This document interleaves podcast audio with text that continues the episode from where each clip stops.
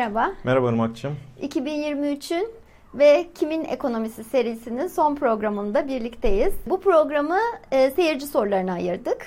E, bütün bölümlerimizdeki gelen yorumları ve soruları taradık. Öncelikle seyircilerimize çok teşekkür ediyoruz. İçinden bazı sorular belirledik. Şimdi ben onları sana sırayla soracağım. Birinci sorumuz Belgin Yazıcıoğlu'ndan gelmiş. Orta sınıfın yok olmasının sonunda nasıl bir toplum ve ekonomi olacak? Dünyada bunu yaşayan ülkeler hangileri? Evet şimdi orta sınıfın demokrasinin bir bel kemiği olduğu yönünde belli bir inanç var e, çoğu insanda. Orta sınıfın aslında gelişimi 20. yüzyılın özellikle ortalarından itibaren e, ortaya çıkmış bir şey. Ondan öncesinde pek bir şey yok. Yani hani sanayi devrimine bakarsak geçişkenlikte orada bir, bir defa zaten geçmiş aristokrat sınıf hala duruyor.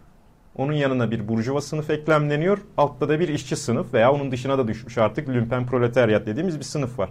Ama orta sınıfın gelişmesi o dönemde çok olmuyor. Dediğim gibi özellikle 1950-60'lardan sonra aslında genişliyor ve sayı olarak da ciddi bir rakama oluşuyor. Şimdi orta sınıf demokrasinin bel kemiği midir, değil midir? Sorusunda ya bence pek değildir. Nedeni de şu. Ya orta sınıfın belli bir muhafazakarlığı hatta belki de çok kuvvetli bir muhafazakarlığı vardır. Onun sebebi de orta sınıflaşma sürecinde belli bir konfor sahasına gelince onu elinden kaybetmek istemez. Yani şöyle bir şey vardır zaten. Hani sende olmayan bir şeyi elde ettiğinde mutlu olursun ama elde ettiğin şeyi kaybettiğinde çok daha fazla mutsuz olursun. Yani bir ufak bir örnek vermek gerekirse misal hiç yalıda yaşamıyorsanız bir yalıda yaşama hayali kurmayabilirsiniz ama gidip de bir yalıda yaşıyorsanız ondan sonra o size bir mutluluk verir. Onu kaybettiğinizde ama devasa bir mutsuzluk yaratılır. Şu an Türkiye'de ve dünyanın da belli başlı çoğu ülkesinde aslında bir orta sınıfın yıkım süreci halindeyiz. Hatta bazı yerlerde yıkıldı. Belki Türkiye'de aslında tamamen de silindi bile diyebiliriz. Şimdi bu elden giden konforlar insanlarda bir rahatsızlık yaratıyor. Ciddi bir muhafazakarlık ama muhafaza edemiyor. Onun için çıkış yolları aramakta. Bunu da politika ekonomi temelinde bakarsak aslında e, insanlar genelde hani siyasetin merkezinde orta sınıfın bulunduğunu düşünür. Ama eğer merkez siyasette onlara artık hitap eden ve ellerindeki konforları, elde ettikleri belli başlı ayrıcalıkları korumalarına, muhafaza etmelerine yardımcı olacak bir siyaset güdülmüyorsa o zaman bu çıkışı daha radikal yerlerde aramaya başlarlar. Şimdi daha radikal yerlere doğru da evrilirlerse ki bu örneğin Batı Avrupa'da özellikle 2008 krizinden gördüğümüz şey özellikle sağ ve hatta aşırı sağa doğru orta sınıfın bir kayış sürecini görmekteyiz. Şimdi burada radikal sağın demokratik olduğunu hiçbir şekilde söyleyemeyiz. Yani aslında orta sınıf sanki dediğim gibi demokrasinin bel kemiği gibi düşünülüyor ama o işler tıkırındaysa biraz öyle oluyor. İşlerin tıkırında olmadığı ve orta sınıfın ortadan kalkmaya başladığı dönemlerde aşırı sağ söyleme doğru bazen kayış olabiliyor. Bu da aslında e, ciddi anlamda bir e, o eskinin muhafazakarlığını daha radikal bir söylemle ırkçılığa, yabancı düşmanlığına e, ve işte ülkedeki böyle çok daha sert olgulara doğru kaydırabiliyor. Dünyada bunu yaşayan ülke var mı? Dediğim gibi orta sınıfın zaten oluşması yeni bir fenomen. Onun için kaybolması daha da yeni bir fenomen. Belki Orta Amerika, e, Latin Amerika'da Arjantin örneğine verebiliriz. Yani geçmişte belli bir refah seviyesinde bir orta sınıf vardı. Bu ortadan kalktı ve bir türlü işin içinden çıkamıyorlar. İşin içinden çıkamayınca da işte oraya IMF girdi bir şey girdi. Hiçbir şekilde çıkamadılar ama işin içinden. Ve en son geldiğimizde de artık gerçekten en radikal unsurlara doğru kaymaya başladılar. Eğer siz orta sınıfa geçmişten o e, varlığını elde etmesine sebep olduğu politikaları sağlayamıyorsunuz. Dediğim gibi orta sınıf belli başlı şeylerde çok daha radikal alanlara kayabiliyor. E, bu da gerçek anlamda bence tehlike arz edebilecek bir şey. İkinci sorumuz Abdülkerim Fettahoğlu'ndan. Ne yazık ki orta gelir tuzağından çıkamamış ve yaşlı bir nüfusa sahip bir ülke olacağız. Bu durumun aynısını yaşamış bir ülke var mı? Şu anda yok. Bunun cevabı. Orta gelir tuzağını aşmış, zenginleşmiş ve ondan sonra hızlıca yaşlanmış ülkeler var. Bunların başında Japonya geliyor. Japonya 1990'a kadar çok ciddi bir refah artışı yaşadı özellikle 2. Dünya Savaşı'nda ve çok kuvvetli bir e, zenginleşme, bir refah seviyesine ulaştı ama 1990'dan beri ciddi anlamda bir tıkanıklık, hiçbir büyüme yok. Ne aşağı ne yukarı gidiyor. Nüfus gittikçe yaşlanıyor. Ee, onun haricinde dediğim gibi sadece burada biraz gelecekte ne olabilir diye bakabiliriz. Şimdi orta geliri aşamamış ama hızla yaşlanan ülkelerin başında tabii Türkiye geliyor aslında dünyada. Yani burada ne olur tam bilmiyoruz. Mesela Japonya haricinde Avrupa'da Almanya'da vardı. Ya burada belli bir refah seviyesi olduğu için zaten birikmiş bir sermaye diyebileceğimiz e, ve belli bir otomasyona geçilmiş, belli bir üretim de var. Yani belli bir sosyal refah devleti sistemi de var. Onun için yaşlanan nüfusun kendi hayat standartlarını idame ettirmesi için belli başlı bir güvenlik ağı var ve cepten yiyebiliyorlar tabiri caizse. Şimdi Türkiye bir anda ne sermaye birikimi yapmış ne bir sosyal refah devleti ağını genişletememiş olduğu için hızla yaşlanan bir nüfusun gelecekte kendi yaşantısını nasıl rahat idame ettirebileceği sorusu çok büyük bir soru gerçekten. Yani bunun haricinde tam bizim Türkiye kadar olmamış ama gelen hızla oraya doğru giden belli başlı ülkeler var aslında. Misal Çin var. Çin nüfusu da örneğin tek çocuk politikasıyla nüfus artışını sınırlandırmıştı. Bu da yaşlanma sürecine gitti ama Çin'in ekonomisi gerçekten dinamik ve büyüme yolunda gidiyor. Çok hızlı hızlı kademe atlatabildi. Bunun haricinde bence Afrika ülkelerinde önümüzdeki 10-20 yıl sürecinde bazı şeyler göreceğiz. Bunların başında da benim bir süredir takip ettiğim Nijerya var. Nijerya nüfusu bir anda böyle coştu, açtı. Dinamik bir ekonomisi var. Ama eğer onlar da örneğin geçemezse bir türlü hani üst gelir basamaklarına ki şu anda zaten çok altlardalar daha ortaya da gelmediler aslında. Ama uzun vadede onların da belli başlı tıkanıkları olur. Onun için e, Türkiye gibi bir ülke sermaye birikimini tamamlamamış ama nüfusu yaşlanıyor. Buradan çıkış ne olur sorusunun cevabını aslında Türkiye kendi dinamikleriyle bir şekilde vermek zorunda kalacak. Bunun örneği pek tarihte yok. Alper Akça sormuş. 2024 ile ilgili öngörülerinizin sosyopolitik yansımalarını keşke siyaset bilimcilerden dinleyebilsek demiş. Fakirlik artı işsizlik artı onlarca politik krizle ne olacak? Evet yani 2024'te aslında ne olacak? Bununla ilgili bir programımıza gelen bir yorumdu bu. Bu da tabii önemli bir soru.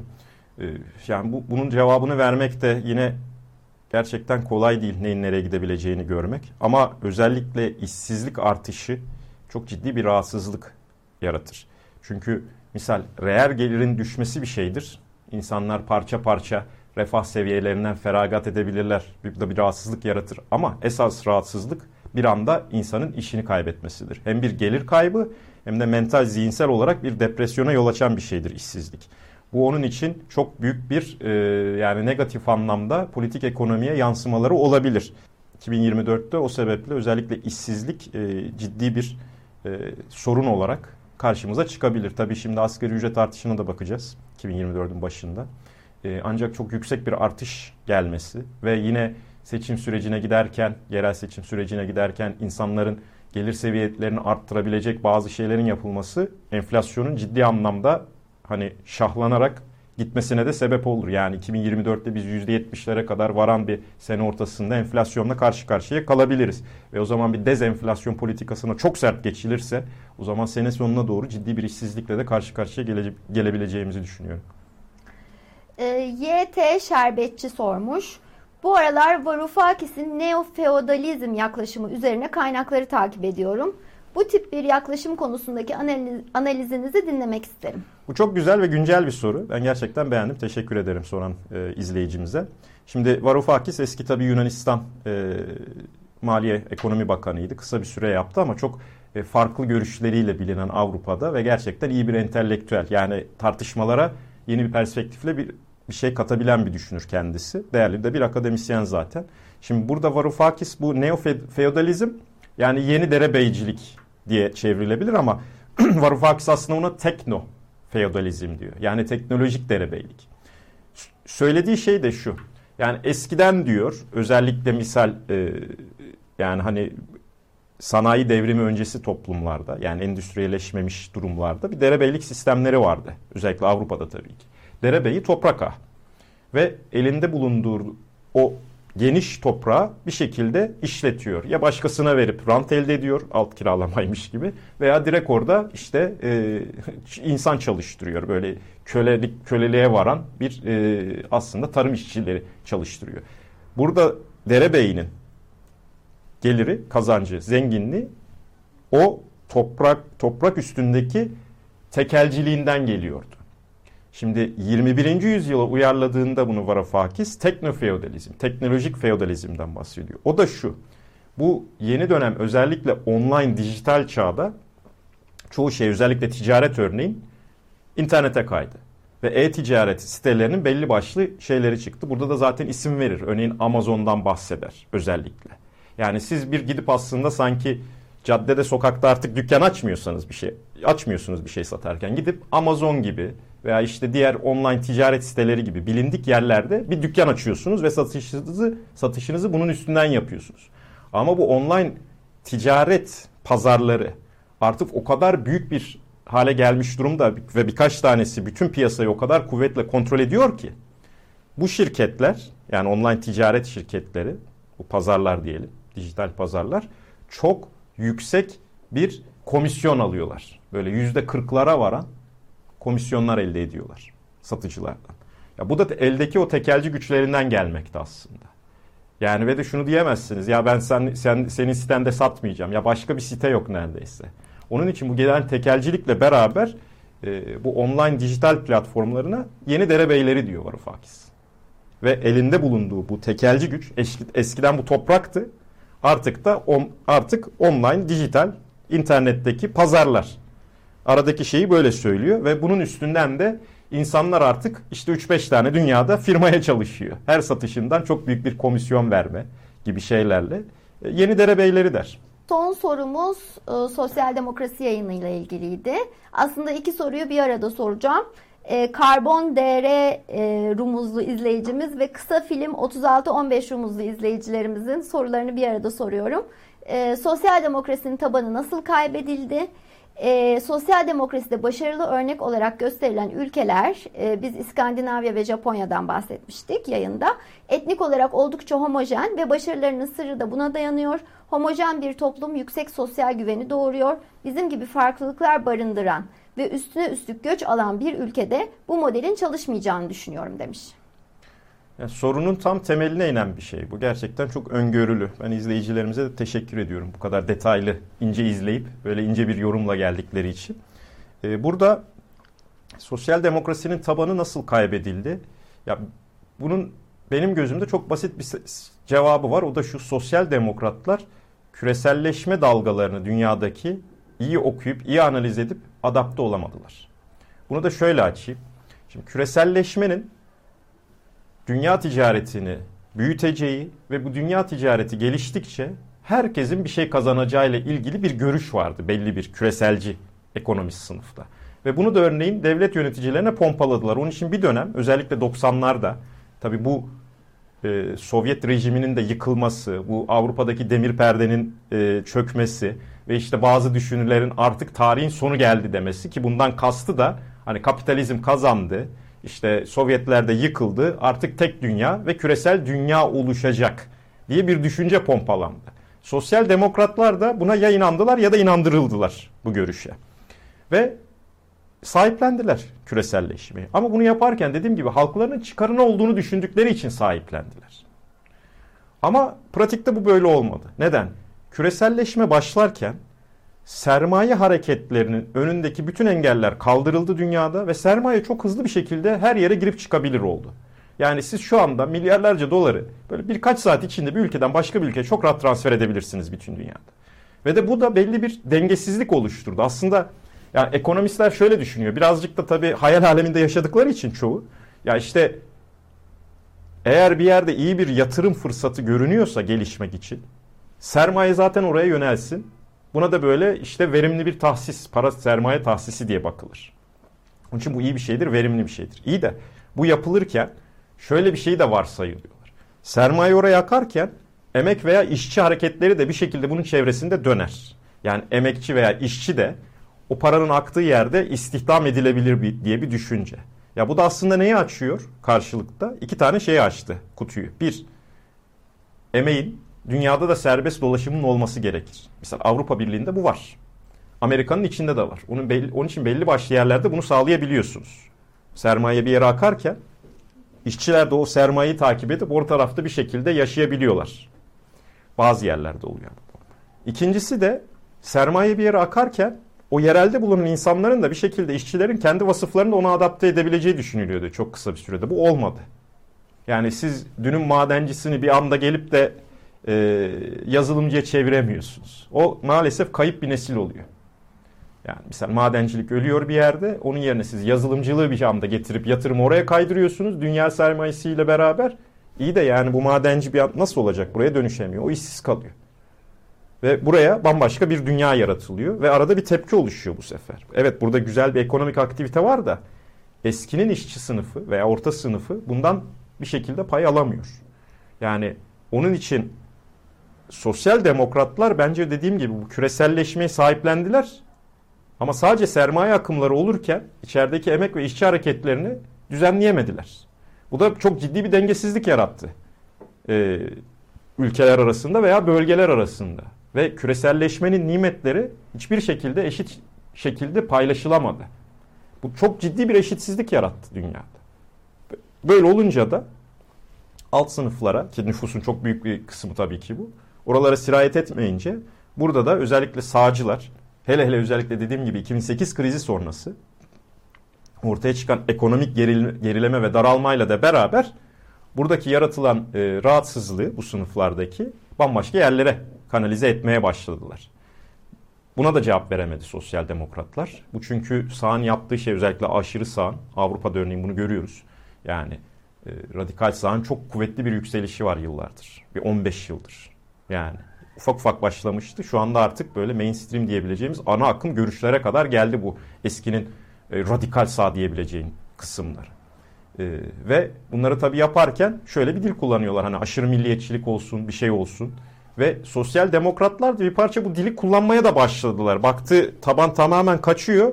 O zaman biz de bu dili birazcık kullanmaya başlayalım. İyi de yani hakikisi varsa taklidine kim bakar? Yani havasına geldi o şeye de girince. Bu sefer sosyal demokratların da o eşitlikçi daha egaliter söylemleri de kayboldu. Ya böyle olunca da tabii tamamen işin içinden çıkılmaz bir kriz. Siyasi kriz var sosyal demokratların içerisinde. Bir türlü oturtamadılar hala da o tabanı çoğu yerde. Tartışmalar çok dönüyor. Nasıl çıkarız bu işin içinden diye. Ama çok net bir çözümle gelemediler. Çünkü hala işte küreselleşme iyidir diye bir düşünce haiz. Ve de yani o milliyetçiler giderken biz de milliyetçi söylemi mi yapsak diye. Yani bir türlü bunun yerine yeni bir söylem getiremediler. Kolay da değil de bunu getirmek. Çünkü sosyal demokrasinin temelinde zaten bir uluslararası dünyada bir dayanışma var. Yani şimdi siz bunu ufacık bir köyde, mahallede, şehirde bile o dayanışma ortamını yaratmakta zorlanırken sosyal demokrasinin belki de kurtuluşu diyeyim, çıkışı bunu uluslararası bir dayanışmaya çevirebilmek. Ama dünyada da insanlar yani o kadar zor bir şey ki bunun iletişimi nasıl yapılacak, uluslararası dayanışma nedir, hangi şekillerde yapılmalıdır, ya belki bir dünya meclisi mi kurulmalıdır, hani uluslararası paylaşımı sağlayacak, bunu denetleyecek, Birleşmiş Milletler e, benzeri bir şey ama yani sanki şöyle düşünelim, küresel, küresel bir meclis halk adına çıkmış. Ama yani misal bunu daha ufak boyutta küresel değil de daha bölgesel diyelim. Misal Avrupa Birliği'nin kendi bir meclisi var örneğin. Bir parlamentosu var Brüksel'de. Ya o aşamada bile insanlar ya biz çok fazla e, işte e, milli egemenliğimizi uluslararası bir alana devrettik falan diyorlar. Yani siz bunu da alıp da küresel ölçüye getirirseniz insanların ciddi anlamda bir milli egemenlik elden gitti kaygısı oluşacaktır. Onun için zaten yani Dani Rodri'nin ilk programlarında konuştuğumuz şey işte yani hani imkansız üçleme kavramından bahsetmiştik orada. Yine dönüp dolaşıp oraya geliyoruz. Yani bu milli egemenlik kavramı o küresel ve uluslararası bir parlamentoya doğru evrilirken arada böyle bir çekişme ortamı yaratılıyor. Yani bunu cevaplamak da kolay değil. Onun için gerçekten topyekun bir toplumsal zihniyet değişikliğine ihtiyaç var bunu yapmak için. Ee, bu kolay bir şey değil. Yapılamaz değil ama çok ciddi emek verilmesi lazım. Verenler var. Ee, bizim seçtiğimiz sorular bu kadardı. Ee, senin Kimin Ekonomisi serisinin son programında eklemek istediğin bir şey var mı? Buradan ben e, son programda teşekkür etmek istiyorum. Başta Mesele Ekonomi platformunu bize açan e, sevgili Semih, Sinan ve Gülener ve teknik ekipten Emrah ve Meryem. E, gerçekten ilk günden beri bize bir şekilde çektiler burada. Her anlamda hem videomuzu çektiler hem konuşmalarımızın işte çektiler. Çok teşekkür ediyorum. İzleyicilere de çok teşekkür ediyorum. Belli başlı seyircilerin özellikle ilk günden beri bizi gerçekten motive edici çok güzel yorumları oldu. Ee, bizi de zaten yani biz burada hiç beklentimiz olmadan bu programları yapıyoruz ama e, izleyici seyircilerimize de e, bir şeyler katmak, onlarla bir şey paylaşmak e, buradaki en büyük motivasyon kaynağımız oldu aslında benim gözümde. Özellikle ben yorumlardan da e, beni düşündüren çok şeyler oldu. Çok sağ olsunlar. Yani farklı bir perspektif. Amacımız zaten bir tartışma başlatmaktı. Bu tartışmanı da başlattığımızı düşünüyorum. Farklı farklı alanlara değiştik. Bir bütünsellik içerisinde ilerledik bugüne kadar. Benim açımdan çok keyifli oldu. Umarım izleyicilerimiz de keyif almışlardır. Ee, birbirimize bir şey katabildiysek ne mutlu. Ee, ben de teşekkür ediyorum. Ee, Mesele Ekonomi ekibine ve seyircilerimize ee, e, 2023'ü Kimin Ekonomisi serisinin e, son programıyla kapatmış oluyoruz. 2024'te yeni bir e, formatta gene mesele ekonomide izleyicilerimizin karşısına çıkacağız. E, herkese sağlıklı, mutlu bir yeni yıl diliyoruz. İyi yıllar. Müzik